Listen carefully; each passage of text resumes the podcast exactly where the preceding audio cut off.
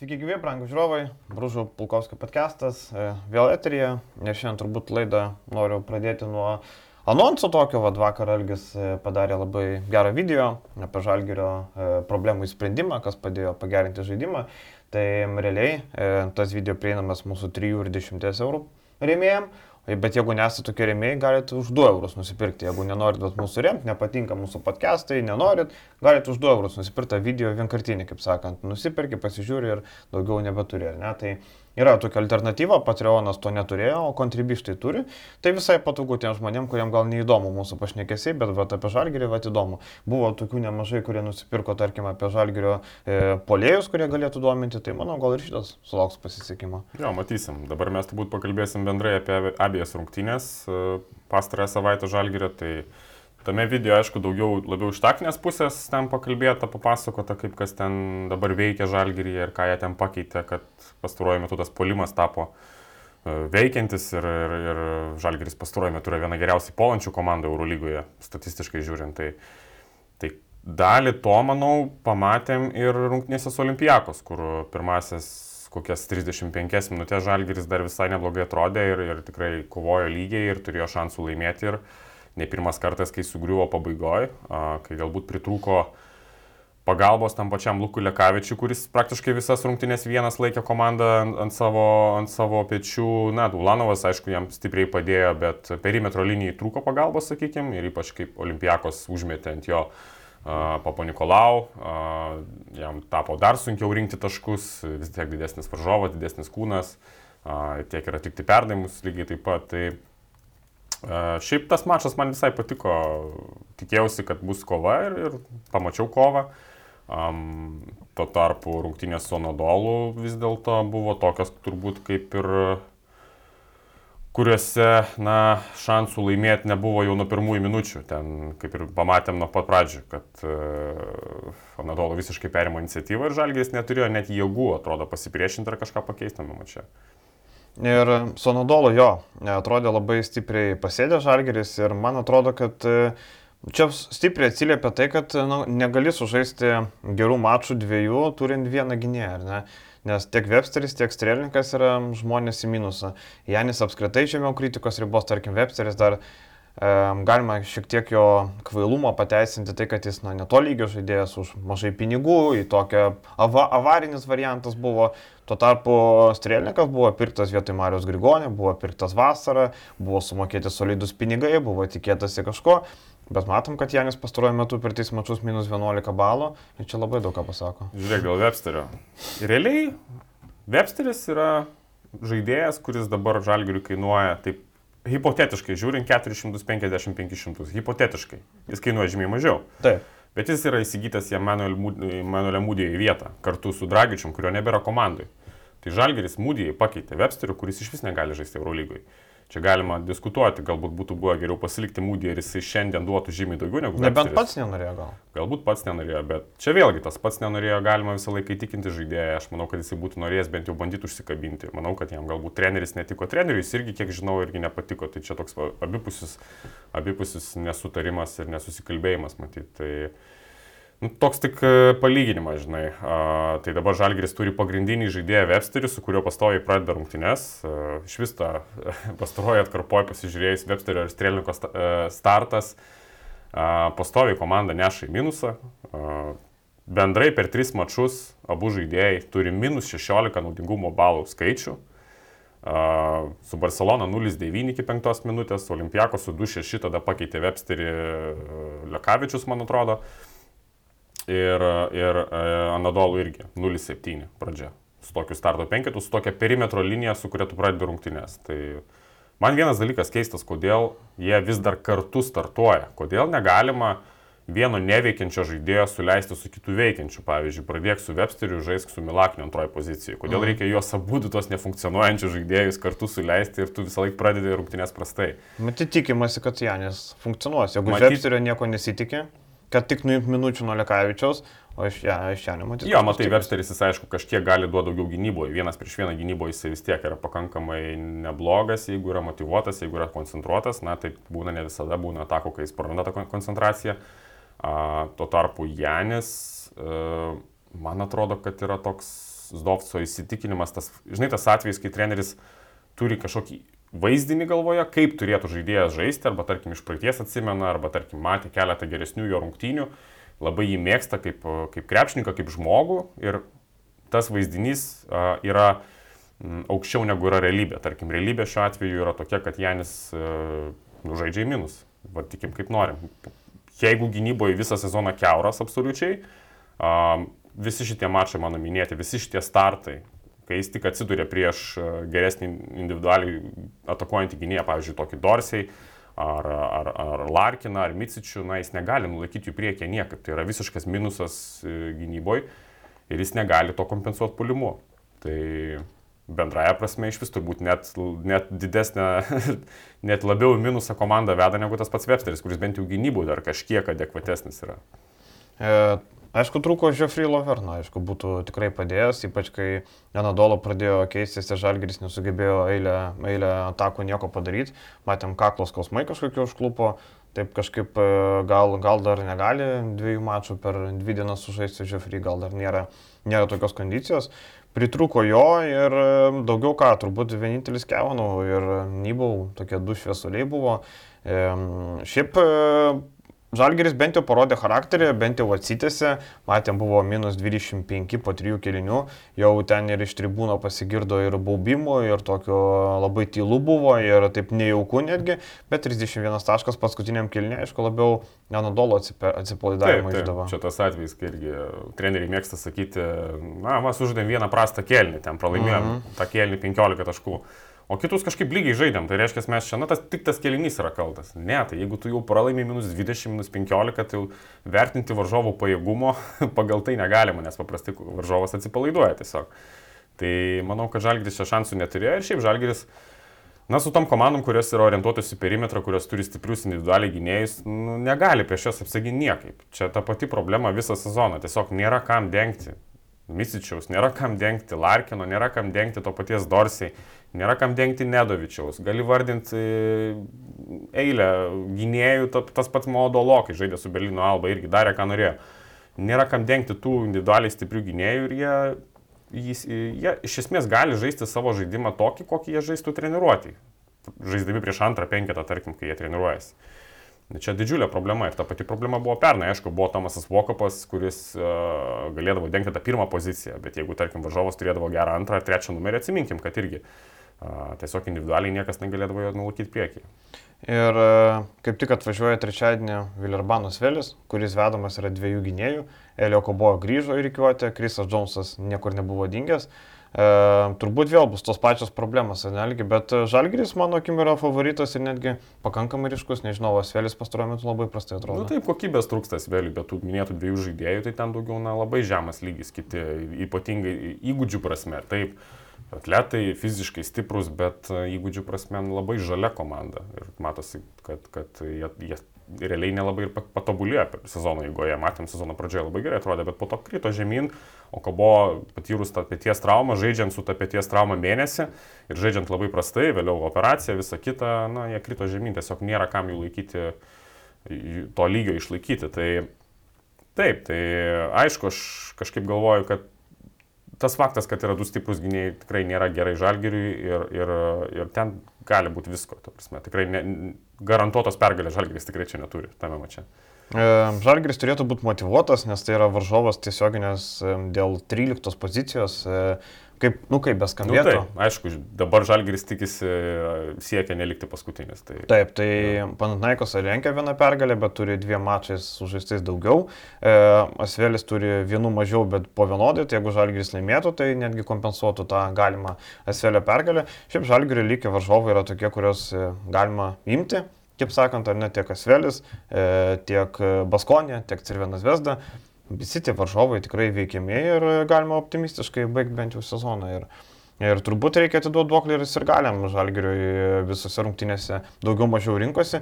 Žalgiris bent iš šito sezono, man atrodo, jeigu ieškot pozityvo, pozityvas tas, kad uždirba pinigų iš žiūrovo. Nes matėm, buvo labai pesimistinis scenarius sudėliotas, kad kas, jeigu pandemija bus uždarys, neleis žiūrovo, bet matom visą sezoną pavyks atžaisti su žiūrovais, tuo galima nebejoti, tai Žalgiris bent jau uždirba pinigų. Na kaip, buvo atkarpa, kai žmonių rinkosi mažiau. Tai ir dabar buvo 6 ir 8 tūkstančiai, tikrai ne tiek, kiek Žalgiris norėtų. Kas anksčiau yra, ne tiek, kas, ko galbūt norėtų Paulius Matijūnas ir ypatingai anksčiau, sakau, buvo ta atkarpa, uh -huh. kai mhm. Žalgiris pralaiminėjo, matėm, kad tų žmonių vis mažiau renkasi, bet aš manau, kad būtent šita atkarpa, kai Žalgiris pakilo, kai Žalgiris susidėliojo tą savo krepšinį ir padarė įveikiančią Eurolygoj, yra labai svarbi, grinai finansiškai, nes žmonės grįžinėja vis tiek į areną, žmonės dar pasižiūrės tas kelias rungtynės, kiek, kiek pavyks. A, ir manau, gana gausiai, tai tas yra didelis pliusas, aišku. Šiaip, ką tu galvoji, tarkim, aš taip pasukčiau šiek tiek mūsų tą mhm. pokalbį mhm. apie Žalgirį, apie Mariko situaciją. Mes matėme jo tą trumpą išėjimą ir, mhm. ir, ir, ir vėl žaidimą tokį, koks netrodo, kad yra Eurolygos lygyje. Sezonas artėja į pabaigą žiūrim į kitą sezoną. Ką tu galvoji, ar jisai vertas likti Žalgiryje? Aš galvoju, kad jisai vertas likti. Aš galvoju, kad Žalgiriui neleis garbė su juo nepratęs kontrakto, jeigu jis norėtų. Man atrodo, kad Žalgeris ne ta organizacija, kur ateis sakys, mes išmetėm 120 tūkstančių, nepasisekė planas, Marekas išvažiuoja. Man atrodo, kad Žalgeris Marekas dar labai jaunas, 20 metų, bus 21 rugsėjo 1, tai aš manau, kad Mareką reikia pasilikti ir tada bandyti dėliotis kažkaip kitaip planus, nes tu lietuvių nesimėto. Juolab, kad Jankis out, ne, Milaknis gal irgi baigs karjerą, Kalnietis neaišku kokia. Milaknis panašu pats sakė čia pas kažkuriam podcast'e, kaip man atrodo, Žalgris Insideris kalbėjo, tai sakė, kad, kad dar met, metus tikrai dažais. Tai neaišku dėl Kalniečio, ar ne, neaišku, ar pavyks įsaugoti Lekavičių po tokio sezono, neaišku, Rulanovas liks. Labai daug tų nežinomų, jaunas lietuvis, man Marekas patinka, aš manau, kad Marekas geresnis nei matom pastaruoju metu, man atrodo, jisai visiškai įsimušęs. Ir kai tu gauni tokią mažą rolę išeini, ten jis tai bando, bando daug padaryti, tas nesigauna, laikai kamolį bandai papasot prarandė aikštės vidury, žiauri duoda per galvą, tada tu bijai kiekvieną judesi padaryti. Tai aš galvoju, kad vertas. Taip, tai aš galvoju, kad uh, žalgiriai turbūt pasilikti jį būtų gerai, tik klausimas, ar Marekas bus patenkintas žaisdamas trečius metus kaip trečias centras. Aš nemanau, kad žalgiris jam įteiks atsarginio centro vaidmenį sprendžiant iš dabartinės atkarpos, aš manau, kad pamatė jo tos didelius trūkumus ir nemanau, kad jie taip patikės jo progresu per vasarą ir kad jis tiek daug pridės gynyboje, jog e, galės atstovėti antrojo backup centro poziciją. Tai manau, kad e, taip jam sakys, na, tu toliau dirbk, jeigu tu patenkintas, jeigu tu uh, Jeigu tau svarbu yra tos labiau treniruotės ir toks augimas žaidžiant, e, treniruojantis su labai aukšto lygio varžovais, ta prasme, Lovernų partneriais, partneriais jo, partneriais, partneriais tinkamesnis žodis būtų jo Lovernų, Nybalo ir panašiai, tai manau, kad tokiu atveju, ta prasme, Žalgris tikrai norėtų jį pasilikti ir čia klausimas patys Mariko, ar jisai nori toj pačioj roliai žaisti dar metus, nes manau, kad, sakau, jis be kapų nebus, o, o, o jam pačiam irgi klausimas, ar nelaikas pradėti žaisti, žinai, nes, nu, tris metus sėdėti trečių centrų ir praktiškai nežaisti, tai irgi yra ne kažką. Juolab, kad Žalgeris dar turi pastaruoju metu dabar atsiskleidė, ypatingai matom nacionaliniai lygoje atkrintamųjų serijai su ryto dubleriais atsiskleidė Matėjus Kryvas, kuris yra tikrai labai talentingas centras ir dabar jis yra 17 metų, kitais metais gruodžio mėnesį 18 sueina, tai šiais metais tiksliau, kitą sezoną turiu minį. Tai manau, kad Žalgeris tikrai norėtų jį pritraukti prie komandos ir manau, kad būtų laikas, nes jisai tikrai gali jau padėti kažkiek gal Lietuvos krepšinio lygiui. Tai tada Marekui turbūt, e, jeigu jisai nenori trečių centrų turbūt reikia keliauti kokią Eurocapo komandą ar kažką. Bet tai tada Žalgeris. Eurocapo komanda vėlgi niekas matyti jo labai neims Europos turė, vis tiek jaunas žaidėjas. Čia nebent Lietkabelis, pavyzdžiui. Nebent Lietkabelis toks. E, ne Lietuvoje, tai kažin. Mm. Martino Gebino pavyzdys yra kitas, nes vis tiek jis ir šiek tiek daugiau patirties Eurolygoje turi ir vyresnis yra. Ir, na, vėlgi rado ne Europos turės komandą, rado Vokietijos lygos komandą, kuri žaidė atrankoje čempionų lygą. Tai, tai manau, kad Marikas, Mariko, jeigu Marikas išeitų, jeigu ne Lietuvoje, tai maždaug kažkas panašaus geriausiu atveju. Ir e, man tai, žinai, e, turbūt galima būtų tada tą sprendimą rašyti dar vieną tą lentyną, kur Žalgeris įima, bet negalvoja, kodėl įima. Ne? Tarkim, gerai, Šaras norėjo Mareko, Šarui nupirko Mareką, Šarų neliko, e, gal buvo toks planas, bet gerai, bet nuo to atsispiriant toliau buvo nupirktas ir Lovernas, ir Nybo buvo nupirktas, ar ne, toliau Žalgerio vadovų sprendimai, buvo nepagalvota apie Mareką, buvo ne, ne, nepasvarstyta. Man tokia pozicija, jeigu tu moki išperka 120 tūkstančių, nu čia ne futbolas, čia išperkas labai retas, ypač e, už jauno žaidėjo tiek pinigų mokėti. Nežinau, man Bet kokia atrodo. alternatyva? Moki 120 tūkstančių duodi jam backup centro rolę iš po ryto. Kaip? Aišku, planą turėjo turbūt, tada nereikėjo pirkti, nereikėjo pirkti, nežinau, Nybau, nereikėjo prastės Lover, nu kažką Tai reikėjo kitaip. jisai, tai gerai, tai kas žais backupu tada? Tai tada reikėjo Marekui vietoj Nybo pirkti tokį gal ketvirtą, penktą, kuris galėtų padėti. Nu, Ir Marekas ta tas backupas penktas yra tikras. Jo, tada. Žinai, tada Nu, nebent taip, nes dabar tu su trim centrais Bet ir jisai matom. nėra pasiruošęs būti backupu. Aš manau, kad jis nėra pasiruošęs. Nebent tas tavo pagrindinis centras yra labai geras. Aš nežinau, labai aukšto lygio, labai gerai gynasi, gali kompensuoti Mareko tos trūkumus gynyboje, bet šiai dienai. Nu, jis netrodo pasiruošęs būti atsarginiu centru. Nu, tai taip. jie nusipirko tikėdamasi, kad jis progresuos. O čia Marekui jau akmuo gali, gali, mes takmenį į Mareko daržą, ne? Kiek jisai pridėjo per tuos kelis metus. Ką mes konkrečiai matome jo įgūdžių arsenale, kas žymiai pagerėjo. Jėgos turbūt pridėjo. Jėgos, supratimo, kaip užsim pozicijas pridėjo. Bet nei metimas netapo geresnis, nei gynyba netapo pastebimai geresnė, nei jis tapo labai atletiškesnis, jis jau turbūt ne, nu, negali tapti žymiai atletiškesnis, bet nu, kažkas kardinaliai nepasikeitė. Jis koks buvo daugiau mažiau, aišku, šiek tiek pridės uh, IQ ir taip toliau, bet įgūdžių prasme nu, nelabai pasikeitė.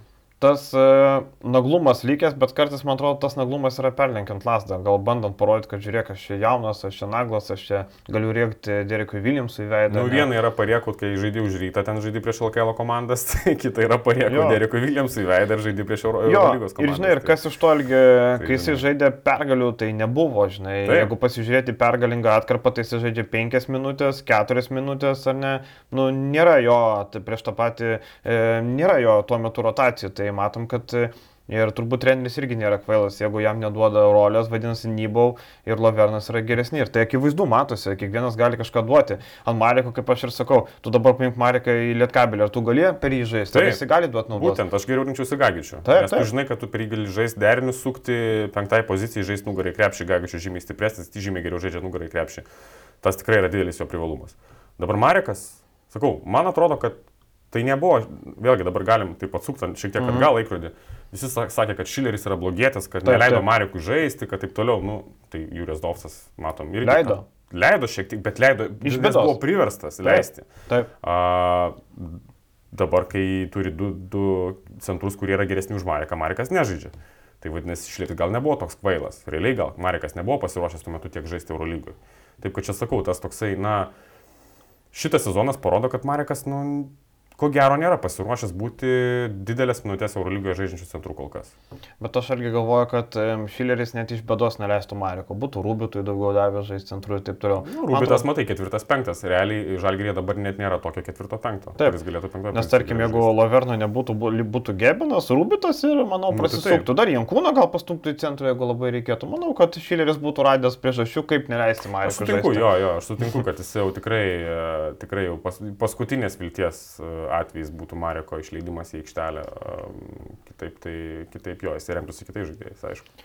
Jo, tai šią savaitę Žalgiris vieną mačą žaidžia, kito nebus, e, dėl akivaizdžių priežasčių, turėjo vykti su CSK rungtynės, tai jų nebus. Tai Žalgiris taip e, gana lengvų tvarkaraščių ir su rytų žais, e, ne, su rytų žais tik tai mėnesio pabaigoje, tai yra kovo 27, na, šį sekmadienį jau e, įdomu bus pasižiūrėti. E, kaip tik apie rytą mes dabar ir daugiausiai pakalbėsim, nes rytas e, de facto baigė pasirodymą savo e, čempionų lygoje ir mes pabandysim panagrinėti, bet turbūt reikia pradėti nuo Gedrių Žibėno. Nu, aš šiek tiek nesuprantu, žinai, ar čia Gedrių Žibėnas čia tokį partizaninį karą kažkokį daro, ar kaip aš nežinau. Pats per konferenciją pasako, mums reikia išsivalyti nuo ta, ta, ta, ta, ta. Tada žurnalistai iki galo nežinodami, e, ką jis turi omenyje, akivaizdu, nu, mes negalim, negalim skaityti minčių. E, pradeda podcastuose kalbėti, ar čia buvo kaltas, ar čia tas, tas, tas. Ir tada galiausiai sekmanį sako, mes čia užtildom, čia kalba nežino, čia nedalyvauja mūsų treniruotės, nedalyvauja mūsų, e, ten nebūna rūbiniai. O žurnalistai turi būti komandos rūbiniai. Parodykit man nors vieną komandos rūbinį, kur žurnalistai sėdi per treniruotės, Tai per rungtynės. paprašyk, e, kad leistų tau pasidėti, pasiūžinai, Ne, man, kiek raidžių. man labai algi patiko 24 sekundžių toks e, autoriaus tokia pastaba, kad rytas e, žurnalistai rytų įdomus tik tai tada, kada prieš, reikia prieš Europos turės rungtynės parduoti papildomą bilietų. Tada pakviečia atvirą treniruotę, jūs maždaug ateikit, pakalbinkit žibieną, įdėkit tekstą, žmonės pamatys, kad, o jo, ryto rungtynės mes nueisim. Būtent, labai teisingai. Komandom žurnalistai reikalingi tik tai tada, kada reikia kažką parduoti, pareklamuoti, padaryti. Bet kada niekada, gerai, dabar žurnalistai, tarkim, rytas sugalvotų pakviesti žurnalistus į treniruotę. Taigi tai būtų, kaip sakant, rusiškai negražų žodį pakazuha, tiesiog parodomoji treniruotė. Taip, taip. Ar Ivanas buvo ten siūstų Normantą, ar Normantas siūstų buvo? Nu, aišku, kad ne. Tiesiog man toks keistas pasakymas, jūs nedalyvaujat, nežinot, tai mes ir neprivalom dalyvauti. Čia mes matom, kad Ivano buvo mm, veiksmus aikštelėje, matom komandos draugų reakciją į ir natūraliai kyla diskusija. Ar Ivanas buvo tikrai toks fainas bičias. Plus, Fainas bičias 20 komandų per karjerą nepakeičia. No. Čia faktas. Ne, nu, tai čia akivaizdu, kad buvo yra problemų kitiems ir, ir matosi iš kūno kalbos. Tas pas mašas su Tenerife, ten skėščiamai rankomis, to paties Normanto, ten kitų, žinai. Nu, Butkevičiaus to paties, nu matosi, kad jie, nesi, ne, jie tikrai nesimėgauja žaisdami gynybai su Ivanu Buvo, kurį pastoviai turi gelbėti visose situacijose, kamšyti jo tas kilės ir, ir patys e, palikti savo žaidėjus, o vėliau aš įsivaizduoju, kad per tą video peržiūras, per tą video peržiūrą aš manau, kad ten visiems po lygiai paskirsto ir tarkim, jeigu tu išgelbėjai Buvo, tai aišku irgi gausi už tai, kad padarai kažkokią tai klaidą ne pagal planą, žinai. Nu, žodžiu, uh, šiaip Žibėno pasisakymai pastaruoju metu iš vis yra gana keistokie. Prisiminkim, uh, užmetimas ant žalgerio dėl tų rinkinės žaidėjų. Ne, tas maždaug, nu, čia maždaug. Čia mes leidžiam, čia mes esam kažkaip geriau negu žalgeris, geriau dirbam negu žalgeris. Turim, esam vertybiškai aukšt, aukštesniai pozicijoje, sakykime. Uh, Nebūsime ta komanda, kuri neleidžia žaidėjų rinkti. Taip, konkrečiai taip. Uh, po Sigo jokių priekaištų žaidėjams, viskas gerai, kovojam. Nu labą dieną, klausyk, 20 taškų persvarą turėjai, išvaistėjai, išbarstėjai esminė persvara, kuri realiai dabar gali lemti, ar tu patektum į kitą etapą ar ne. Čia aišku, nu, realiai reikėtų laimėti prieš Falkos įgas, jeigu nelaimės prieš Tenerife, tai tu išeini į kitą etapą, jeigu būtum išlaikęs ten tuos šešis taškelius.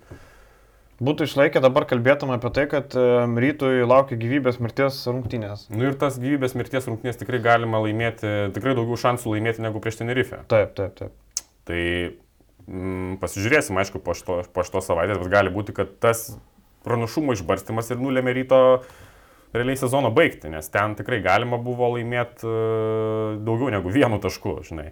Kitas dalykas, e, irgi prieš Lenovo, žinai, kalba apie pagarbos žaidėjams trūkumą. Apie ką mes šnekam, kokios pagarbos žaidėjams? Kas parodė nepagarbą, aš nesupratau. Ta prasme, čia tai taip, tai yra kažkiek kritikos, bet aš manau, kad ryto atveju sezono vidury ypač buvo labai daug pagirų, kurios galbūt nebuvo iki galo pelnytos. Taip, Atsimenam, taip, pritariu. Turbūt e, ne tik medija. Po pergalės ir... prieš Žalgirį, pavyzdžiui. Taip, ir po Žalgirį ir ta sėkminga atkarpa labai daug kas kalbėjo, ypatingai kai jie išėjo iš tos grupės etapo čempionų lygos, labai daug kas gyrė rytą ir labai daug kas ten žaidėjus aukštino, Kenetas Smithą dėjo į puik, puikaus legionieriaus vietą, žinai, ir taip toliau. Dabar kalba apie kažkokias pagarbos trūkumą, žinai. Nu, Kitas toliau tokie pasisakymai po Polinovo, tas pats apie apsivalymą ir tada kalba apie tai, kad, e, žodžiu, žiniasklaida neteisingai interpretuoja. Bet taigi tu pats pradėjai visą šitą kalbą, pats davėjai tam Taip. pradžią, kam tu kalbėjai apie, apie kažkokį apsivalymą ir ko tu po to tikiesi kad apie tai nekalbės medija, tai aišku, kad kalbės, nes visi spėlios, apie ką jis, turėjo, ką jis turėjo minį, o kalba dviprasmiškai apsivalymą, tai ką turėjo minį apsivalymą tarpusavyje, kažkokie pas, aps, pasikalbėjimą, padiskutavimą, ką darom, nežinau, vidinį pasikalbėjimą, kažkokį reikalą viduje ar apsivalymą, ta prasme, kad e, paleidžiant tam tikrus žaidėjus. Tai irgi dviprasmiškas pasakymas davė pradžią tam, kas po to buvo. Ir dabar vėl skundžiasi, kad neva medija neteisingai interpretuoja. Tai man, ta, ta serija jo pasisakymų pastarųjų yra keistoka, aš nežinau. Ar jisai nori labiau dėmesio, ar jis nori atsidurti antraštėse, kur yra reikalas, žinai.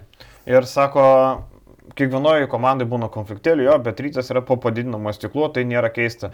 Man atrodo, kad Žalgiris labiau yra po padidinamas stiklų. Tarkim, galite palyginti, ponas Gedriau, e, kiek yra kalbama podcastuose apie rytą, apie Žalgirį. Turbūt e, gausis e, kokie 80 ir 20 turbūt. Tai man atrodo, kad Žalgirio kiekvienas žaidėjas, kiekvienas rungtynės, kiekvienas sprendimas, Jūrijos Dovsas, kiek, kiek gavo spragilų, kiek visi, nėra ką, net ką lyginti. lyginti. Po kiekvienų rungtynių apie Žalgirį yra bent krepšinis net portale. Du tekstai mažiausiai, trys net ten su skaičiais.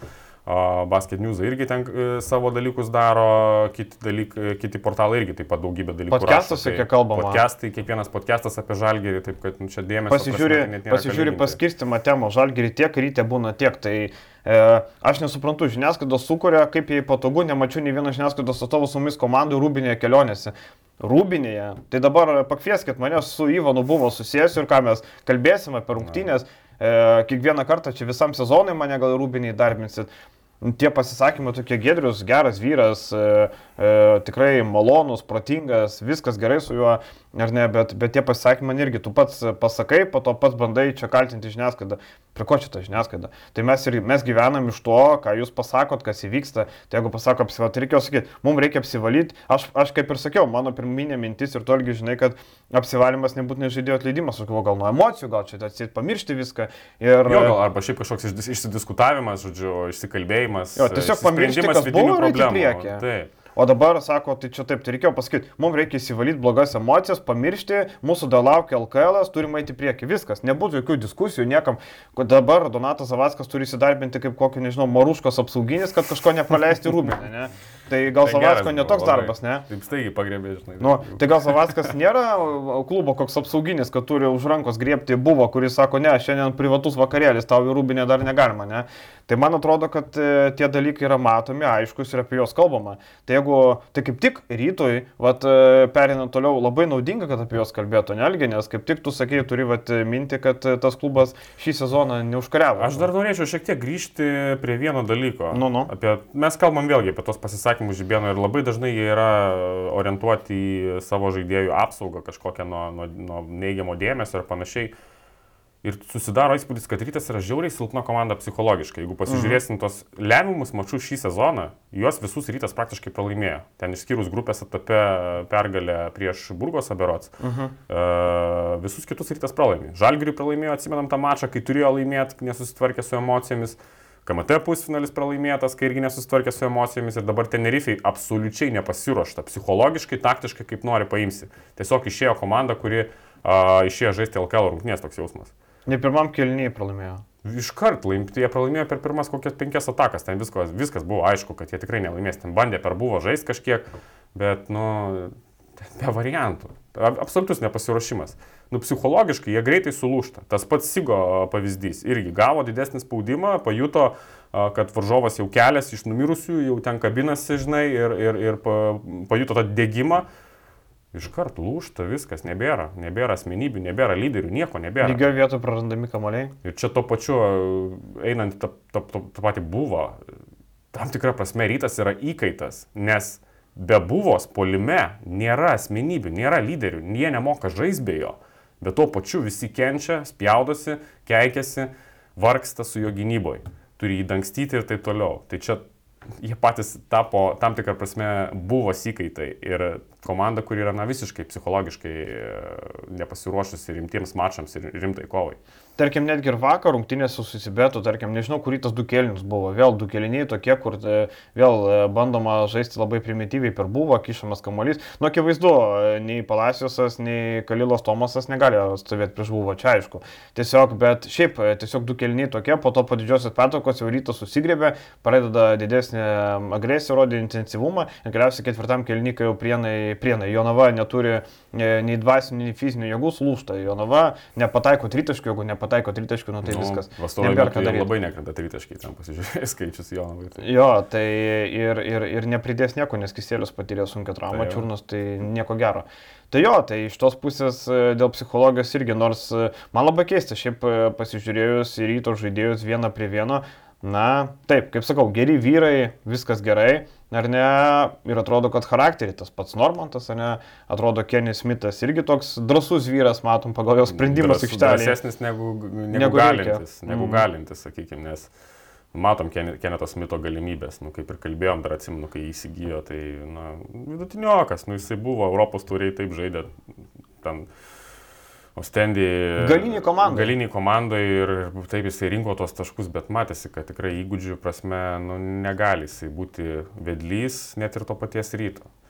Šiaip rezultatą vertinant, aišku, taip labai pragmatiškai. Rytas trečia, buvo e, trečias biudžetas šitoje grupėje, trečia vieta. Neiššoko aukščių bambos, bet, e, bet, bet ir nenukrito į ketvirtąją, žodžiu, neliko paskutinis. Tai, nu, tokios ambicijos, žinai, iš tos komandos ambicijos pastaraisiais metais yra tokios, kad jie kovoja čempionų lygos grupės etape iš jo iškrenta arba patenka į top 16 etapą. Jeigu pasižiūrėsim po paskutinio pasirodymo Europos tauriai Sodomaičių, kai, kai išėjo į ketvirtfinalį, nu, šita komanda dabar tokia yra čempionų lygos vidutiniokė, biudžetas irgi neįspūdingas, kažkokių didelių ambicijų, kažkokių įdomesnių sprendimų, įdomesnių atradimų žaidėjų korpusė nėra. Nu, tokie, tokie, toj vidutinybėje ir malasi nuo to, nuo to sezono, nuo, nuo tų Čia 18 metų, kai, kai išėjo iš, iš Europos turės. Sakyčiau, Algi, kad pagal rezultatą tai pasirodymas pirma vieta grupiai pirmame etape, turint omeny, kad buvo labai daug traumų, Man atrodo, e, viskas, būtų viskas geriau, jeigu rytas pradėtų sezoną su sukomplektuota priekinė linija. Taip. Neturėjo sukomplektuotos priekinės linijos. Taip. Kas yra esminė, turbūt gynėjai priekinė linija. Tu gali neturėti trečio numerio, ne, gali... Dvi bet... svarbiausios pozicijos yra žaidėjas, tai yra polimų iš esmės ta pozicija labai svarbi, nes tu turi kontroliuoti komandą. Centras gynybai, nes centras dalyvauja praktiškai kiekvienoje gynybinėje atakoje, kadangi yra dažniausiai įtraukiamas į pick and rollus. Jo, ir matom, kad e, trūko komplektacijos priekinė linija, vienu metu teko žaisti, e, atsimenam, rungtynėse su Burgosu, ten e, jau Arnas Butkevičius centravo, Laisneriui, nu, buvo tokių nesėkmių traumų, ar ne, pasirašyme Džerviso traumą, Laisneriui Berzinis sulaužė kaukulės kaulą, ar ne, netokių buvo nesėkmingų, tada, atrodo, jau su Andūru ištraukė laimingą kortą, bet, bet dėja ne iki galo, ar ne, tarkim, man atrodo, su Andūru būtų prisigę gal pavykę. Aš manau, kad Sandūrų jie būtų tikrai dabar e, garantuoti ketvirtfinalio dalyviai. Uh, bet, žinai, pradės sezoną su trim dideliais. Taip, taip, tai yra netikėta. Tiesa, tai gerai, tai nu, net jeigu būtų ne dvi traumos, ne Laisnerio ten e, ir, ir, ir Williamso, būtų vienas iš jų sustraumavęs, tai vis tiek, nu, tai ilgą laiką žaidė su Laisneriu ir buvo. Nu, per, nu, kaip tu gali žaisti su trim centrais, kurie gali žaisti tame lygyje? Žalgris turi penkis didelius žmonės, nu, negali žaisti su trim dideliais žmonėmis sezoną, tikėtis, kad uh, atsilaikys. Net tai... šešis jau, minėtą dar pridėt. Taip, dabar dar minėtą turi. Na. Tai, tai čia visai, nu, Žinai, ir... komplektacija tu negali kažko, kažko tikėtis. Ir jo, dėl tos komplektacijos ir šiaip, e, man atrodo, kad čia jie buvo tos situacijos įkaitai, kad reikia ir Arno ir Gyčių duot žaisti. Ir abu į trečią poziciją. Aš kalbėjau pastoviai, kad jiem reikia kažkam duoti, e, žais, kaž, kažką reikia stumti ketvirtą poziciją. Dažniausiai Arnas toje pozicijoje žaisdavo, nes yra trys treti numeriai. Bet vis tiek trys dideli kaip? Kaip tu gali pradėti sezoną ir apskritai tikėtis, kad išsilaikysit ir žaisi stabiliai viso sezono metu su trim dideliais žmonėmis. Ir tas pats, pavyzdžiui, Evaldo Kairio įsigijimas. Laukia du svarbiausi mačai čempionų lygų įsigijamas žaidėjas, kuris nėra pasiruošęs fiziškai žaisti. Taip nėra pasiruošęs nieko padėti. Aš tada sakiau, kad rytas palaidojo sezoną, kai jį įsigijo. Reikėjo įsigyti žaidėją, kuris yra pasiruošęs žaisti šiandien, duoti kažkokį rezultatą. Dabar Matyt, nebuvo. Nu, vėlgi, nu tai... Skučio nepaleido. Bet skučas irgi negimčiai. Bet žinai, tas nebuvo, aš nežinau, aš nežinau, rinkos mm. nemačiau sąrašų, nežinau. Aš manau, kad kažką rasti tikrai galima buvo. Aš manau, kad čia dar vienas, mm, dar vienas pavyzdys, kodėl, ryt, kodėl rytas dirbo prastai, kodėl vadovybė dirbo prastai. Uh, tikrai sudėtis, pirmiausia, nesukomplektuota sudėtis, kitas dalykas, nusipirkamas žaidėjas, kuris yra nepasiruošęs padėti lem, lemiamuose kovose. Jo, Valdas Kairys e, tiek laiko nežaidus, nežinau, ko galima buvo tikėtis, nebent kad duos kažkokių nuoširdžių minučių ar ne, e, kažką pakeis, e, duos energijos gynyboje, bet matėm galiausiai prieš Tenerife nežaidė, nes koronavirus susirgo. Na tai čia dar. Net ir prie žaidėjas jis nebūtų nieko. Jo, ne, tai čia aišku, ne, čia netame ten problema. Ne, changeris su Tenerife, ne, tai niekas ne, ne. nebūtų padėję realiai. Vargu, vargu. Bet šiaip žiūrint į, į, į pasiektą rezultatą, tai taip, tai vidutinybė vidutiniškas e, pasirodymas. E, turint omeny, koks buvo krachas e, sezono anksčiau, tai čia yra paėjimas į priekį šioks toks. Laipteliu aukštyn. Taip, laipteliu aukštyn, bet, bet tikrai nedaugiau. Ir ta čempionų lyga kaip būdavo, man įdomu, kaip būtų rytui sekęs, jeigu būtų ta senoji čempionų, na, ne tiek senoji, prieš pandeminę, kai būdavo grupė reikėdavo sužaisti 14 susitikimų. Mm. E, gerokai ilgesnis maratonas, galbūt tos komandos, kuriuom labai prastai sekasi, turi laiko atsitiesti. Ir taip toliau, vad būtų buvę labai įdomu, bet... Žinai, aš pasakysiu taip, e, norint laimėti čempionų lygą, reikia pinigų. Lygiai taip pat kaip Europos taurė. Europos taurės geriausios komandos taip yra geresnės negu čempionų lygos geriausios komandos šiek tiek, bet vis tiek čempionų lyga laimi komandos su 5, 6, 7, 8 milijonų biudžetais mažiausiai. Tai taip, kad rytas na, turėtų šiaip su mažesniu biudžetu įmanoma turbūt laimėti, bet reikia labai jau pataikyti su pirkiniais, reikia turėti labai aiškę strategiją, ilgalaikę strategiją, labai atrasti tos puikius kainos kokybės variantus, kurie sezono įgoj tobulėja ir pradeda žaisti dvigubai geriau negu, negu yra apmokami. Tai rytas, aišku, mes su tokia sudėtim neturėjo didelių šansų, net išėję tą ketvirtfinalį jie būtų pralaimėję. Tai, žinai.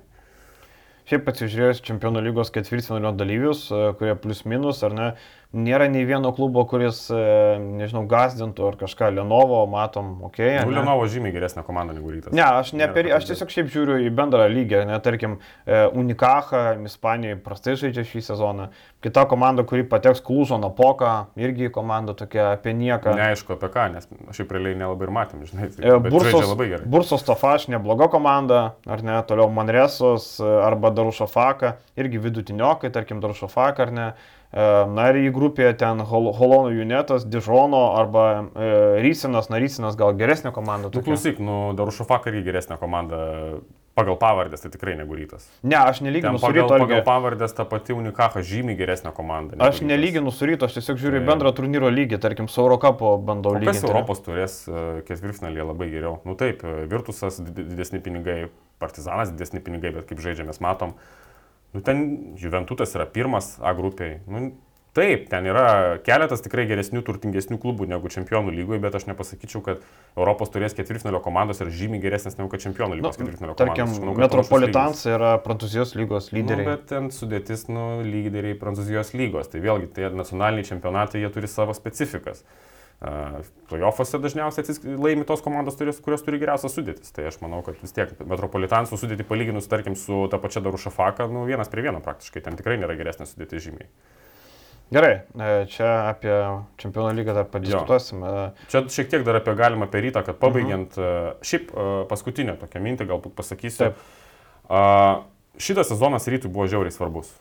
Dėl to, nes atsiranda naujas klubas Vilniuje, dėl to, nes Vilniečiams reikės rinktis, kurią komandą palaikyti. Ir rytas turėjo šansą nu, nusipirkti tas Vilniečių širdis. Aš manau, kad sezono pradžioje tai kaip rytas žaidė, da, labai nemažą dalį Vilniečių patraukė savo pusin vėl. Tu esi netgi tai sakęs. Taip, mm. ir, ir, ir tikrai buvo tas hypas, rytas tikrai gerai žaidė, tikrai patiko to komanda daugam, komandiškai žaidė ir, ir su tokia energija didelė, žinai, ypač grupės etape pabaigoje, tikrai man ir pačiam patiko juos pasižiūrėti. Bet toks tas sugrivimas, aš manau, kad labai daug ką žiauriai nuvylė, nes tu įsivaizduok, tu patiki vėl iš naujo, bet vėl tu pamatai, nu vėl tas pats senasis rytas, vėl jisai, vėl jisai nieko nesugeba padaryti, vėl jisai lūšta, vėl jisai... Na nu, ir toksai, žinai, aš manau, didelis nusivylimas čia šitoje šito vietoje gali jiem labai atsisukti, gali labai atsisukti prieš juos, e, nes atsiranda naujas klubas, atsiranda toks, žinai, bus tas toksai uh, hypas, kad naujas klubas, su žinomom pavardėm, žinai, ten dideliais pinigais. Uh, bus tos šiek tiek intrigos tokios, kas tas žemelio klubas bus visiems labai įdomu pasižiūrėti ir taip toliau. Tai čia rytų tas, šitas sezonas rytui buvo labai svarbus, aš galvoju. Ir žvelgiant į ateitį, vėlgi Vilniuje uh, 23 keisis meras, klausimas, koks tas meras bus, ar jisai bus palankus žemeliui. 24 metais yra baigėsi sutartis dabartinė, pagal kurią rytui yra skiriami uh, 4,5 4, man atrodo, milijonų eurų per trejus metus. Ir tada pasižiūrėsim, kaip toliau viskas dėliosis.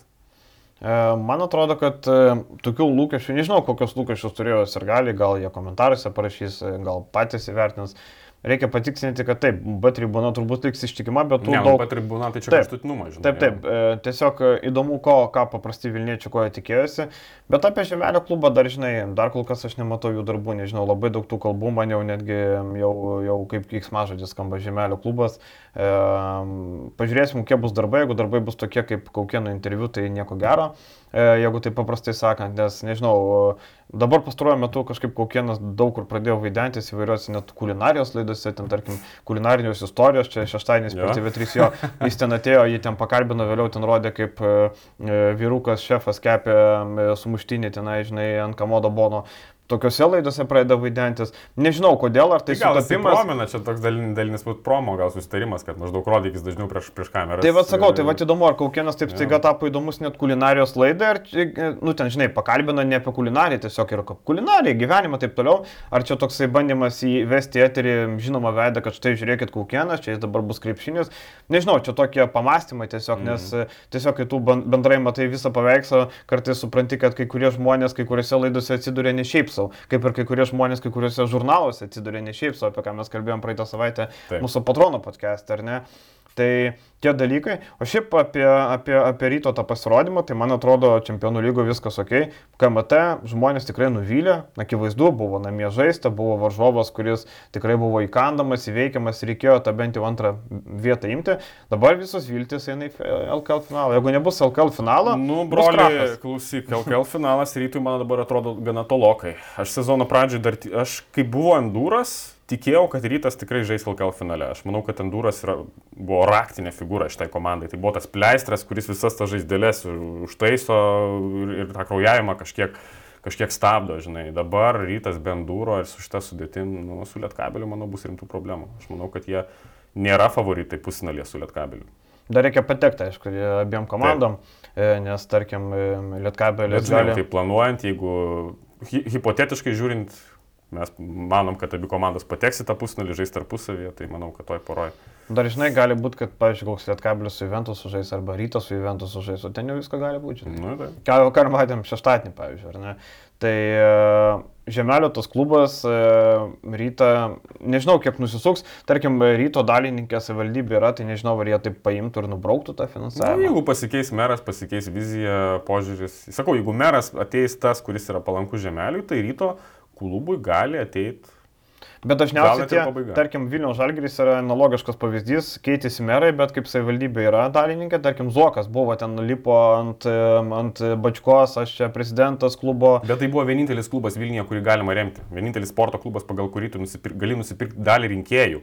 Ką darė tas pats, nu, Matijo Šaitis, nu, sakykim, tiesiai šviesiai, nu, vis tiek, rėmimas žalgerio tau labai padeda rinkimuose. Tai dabar yra du klubai, yra kitas pasirinkimas. Ir jeigu kitas uh, būsimas meras yra artimesnis žemeliui, nu, čia visko gali būti. Jo, dažnai palankumas irgi, bet labai įdomu, kas čia gali laimėti, kol kas neaišku, kas čia pakeis. Jo, net kažkokių net pavardžių nėra. jokių, Jo, jokių, kas čia pakeis e, Šimašių, kas čia gali būti, žinai, e, kokia čia partija, netgi duok dievę, kad tai nebūtų Viktoras Uspaskikas, duok dievę ar ne, nes tada nežinau, ką remtų.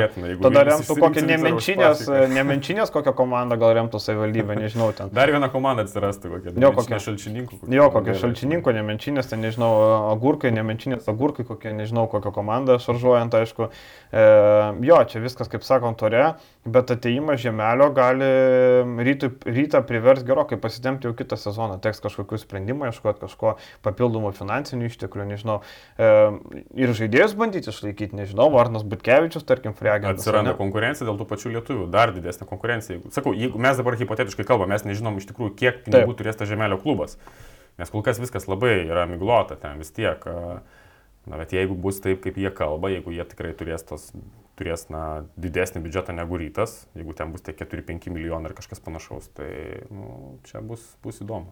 Jo, ryto tarptautinis sezonas kaip ir baigtas, e, nėra daugiau ką sakyti. Gerai, bendrai ilgi pažymys, e, kiek duodi už tą tarptautinį sezoną. Už tarptautinį sezoną duodu, nu, septynetą. Nu, ne, nebuvo blogai, bet nebuvo ir gerai, nu, tai toks vidutiniškas pažymys. Jo, mano irgi taip, žinai, aš netgi gal taip, jo, 6-7, bet tai, kad pirma vieta pirmame etape, tai būnė 7, aš irgi taip. Man tik labai tas, tas Sigo mačas labai strigo, labai kažkaip, nu, toks taip atidavė. Jie galėjo realiai dabar tą ketvirtfinalį turėti praktiškai jau kišenį. Nu, ne praktiškai, nu, sakykime. Apmaudžiausias Bet toks. tas žiauriai apmaudu buvo, tas 20 taškų išbarstimas taip stipriai, taip visiškai ir taip per tokį trumpą laiką, tokiame mače svarbiame. Toks, žinai, 7 su minusu, kaip mokykla, arba su 2 minusais, kaip Jo. sako, su geležinkeliu, 7 su geležinkeliu, toks, žinai. Ja, ja. su geležinkeliu.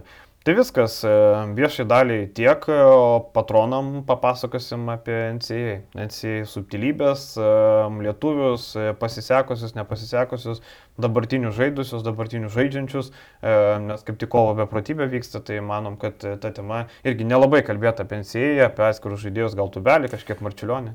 Jo, ir ten iš tikrųjų labai daug įdomių dalykų yra apie organizaciją paties turnyro ir apie jo, jo istoriją. Tai, na, nu tai šokam ten, ką čia dabar Jo, žodžiu. viskas, tai ačiū, kad žiūrėjote, tapkite remėjais, tapkite krepšinis net YouTube kanalo prenumeratoriais, paskait laiką ir pasimatom po savaitės. Iki. Ačiū iki.